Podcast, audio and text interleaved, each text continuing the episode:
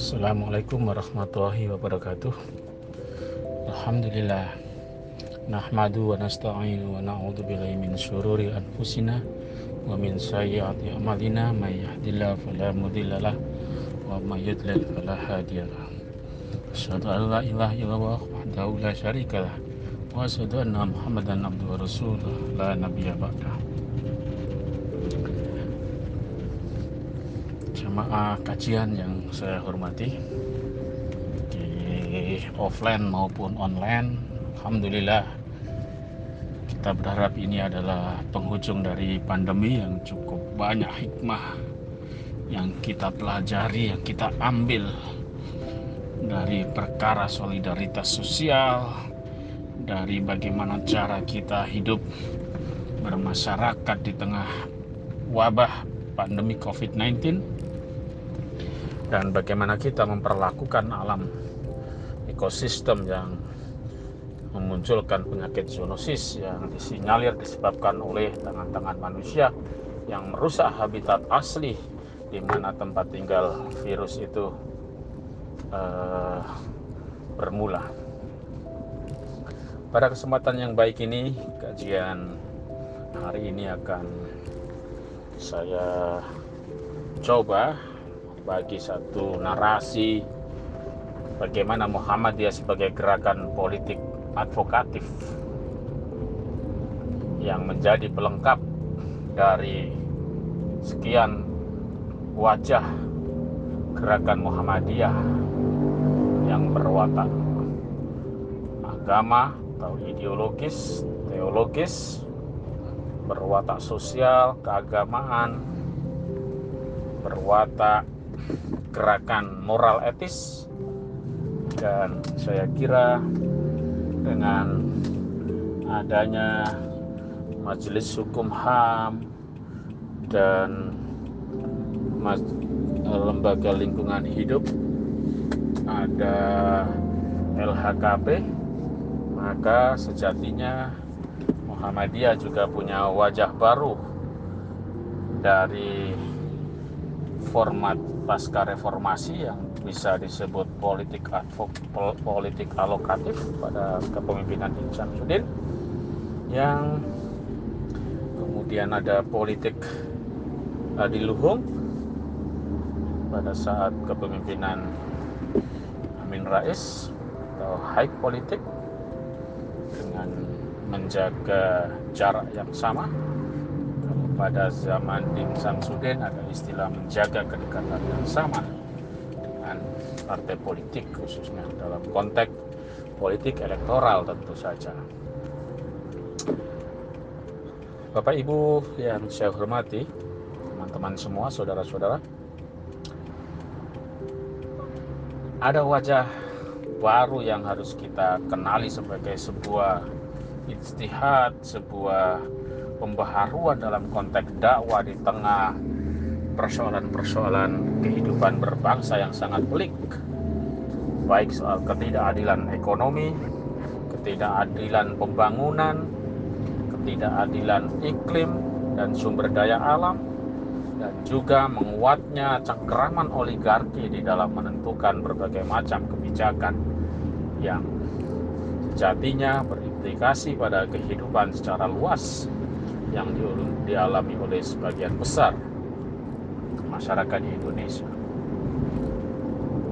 Gerakan politik advokasi atau politik advokatif lima tahun terakhir ini disimbolkan oleh satu kekuatan yang sangat penting di dalam kepemimpinan Muhammadiyah yang dikomandani oleh Pak Busro Mukodas aktivis anti korupsi, pengacara yang juga punya sejarah sebagai aktivis baik di kaki akademik, di kaki Muhammadiyah maupun di kaki organisasi kemahasiswaan dan NGO. Ada hal yang ada banyak hal yang menarik namun tidak semua orang barangkali bisa mengerti nalar-nalar advokatif yang ada di lingkar Muhammadiyah. Yang pertama, karakter politik advokatif eh, Muhammadiyah adalah karakter yang tidak partisan. Muhammadiyah bisa saja berkolaborasi dengan partai politik dalam arti mencari jalan keluar untuk kepentingan-kepentingan bangsa yang lebih besar tapi tidak menjadi subordinasi dari kepentingan partai politik tertentu. Netral aktif pernah menjadi istilah yang sangat penting di Muhammadiyah menjaga jarak yang sama dan kedekatan yang sama dengan partai politik adalah satu nalar yang masih berlaku hingga hari ini. Dan dalam konteks uh, pandu, panduan hidup Islam warga Muhammadiyah juga disebutkan hal-hal terkait dengan uh, kekuatan advokasi, kekuatan moral yang ada di situ. Yang kedua, politik advokatif dimaknai sebagai gerakan moral etis. Gerakan moral etis inilah yang menjadi panduan di dalam melakukan advokasi di tengah masyarakat yang sangat beragam. Nalar-nalar moral etis yang dipandu oleh nilai-nilai etika agama, oleh nilai-nilai solidaritas sosial, nilai-nilai konstitusi sehingga Muhammadiyah di dalam melakukan advokasi selalu berpanduan sebagai kekuatan civil society kekuatan yang punya nalar-nalar etis konstitusional sehingga Pak Busro pernah mengatakan pada saat menolak omnibus law dengan istilah konstitusional disobedience upaya untuk mogok melakukan perlawanan dengan berbagai macam simbol aktivitas tetapi tidak melawan konstitusi tidak anti konstitusi tidak melanggar konstitusi. Berbeda dengan kelompok yang mau diperpanjang periode presiden. Itu memang bukan hanya tidak etis tetapi inkonstitusional karena belum ada konstitusi yang membolehkan soal itu. Atau mau lewat dekret ya silakan saja. Itu akan chaos nanti kalau sampai dilakukan seperti itu. Pers hmm, karakter ketiga adalah nalar penegakan keadilan dan hak asasi manusia ini sangat-sangat kentara sekali ketika Muhammadiyah melakukan advokasi di di Pakel di Banyuwangi yang tidak ada warga Muhammadiyah di sana tetapi Muhammadiyah toh juga diterima oleh masyarakat oleh warga para pejuang yang mempertahankan tanah dan airnya sebagai sumber kehidupan berhadapan dengan korporasi perkebunan milik swasta. Begitu juga di Wadas, tidak ada Muhammadiyah di situ. Bahkan pimpinan daerah Muhammadiyah Purworejo bilang, jangankan anggota atau ranting, simpatisan saja tidak ada di Wadas. Sehingga itu me, menunjukkan ketidakurgensiannya Muhammadiyah terlibat di dalam membela korban kekerasan dan korban pelanggaran HAM di di Wadas. Namun PP Muhammadiyah mengutus tim karena bagi Muhammadiyah spirit menolong masyarakat yang terzolimi spirit al-ma'un spirit pembebasan liberasi sebagai salah satu kekuatan yang sangat menonjol sehingga membela manusia, membela korban petani itu bersifat imparsial bisa ke siapa saja tanpa harus menunggu mereka itu bagian dari Muhammadiyah atau bukan. Sebetulnya watak-watak seperti ini adalah watak-watak yang asli yang dimiliki oleh Muhammadiyah. Tidak eksklusif. Ya. Mungkin moderat progresif kalau saya bisa bilang ya. Moderat dalam konteks ya membela itu juga harus punya basis data, punya basis informasi yang valid, yang objektif. Kemudian menemukan solusi-solusi yang kreatif, yang humanis, pendekatan-pendekatan yang manusiawi. Sehingga itu yang disebut dengan watak tetap independen dan progresif maka saya sebut moderat progresif. Tidak anti pemerintah tentu saja, tapi lebih punya watak dialogis di dalam perjuangan menegakkan keadilan dan hak asasi manusia. Watak politik advokasi berikutnya adalah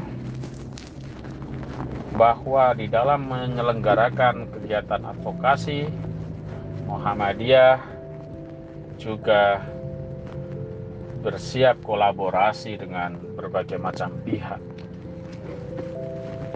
terutama menjahit kekuatan-kekuatan civil society untuk bersama-sama menyampaikan apa yang menjadi persoalan dan sumbangsi apa yang bisa diberikan dari kekuatan-kekuatan CSO yang ada.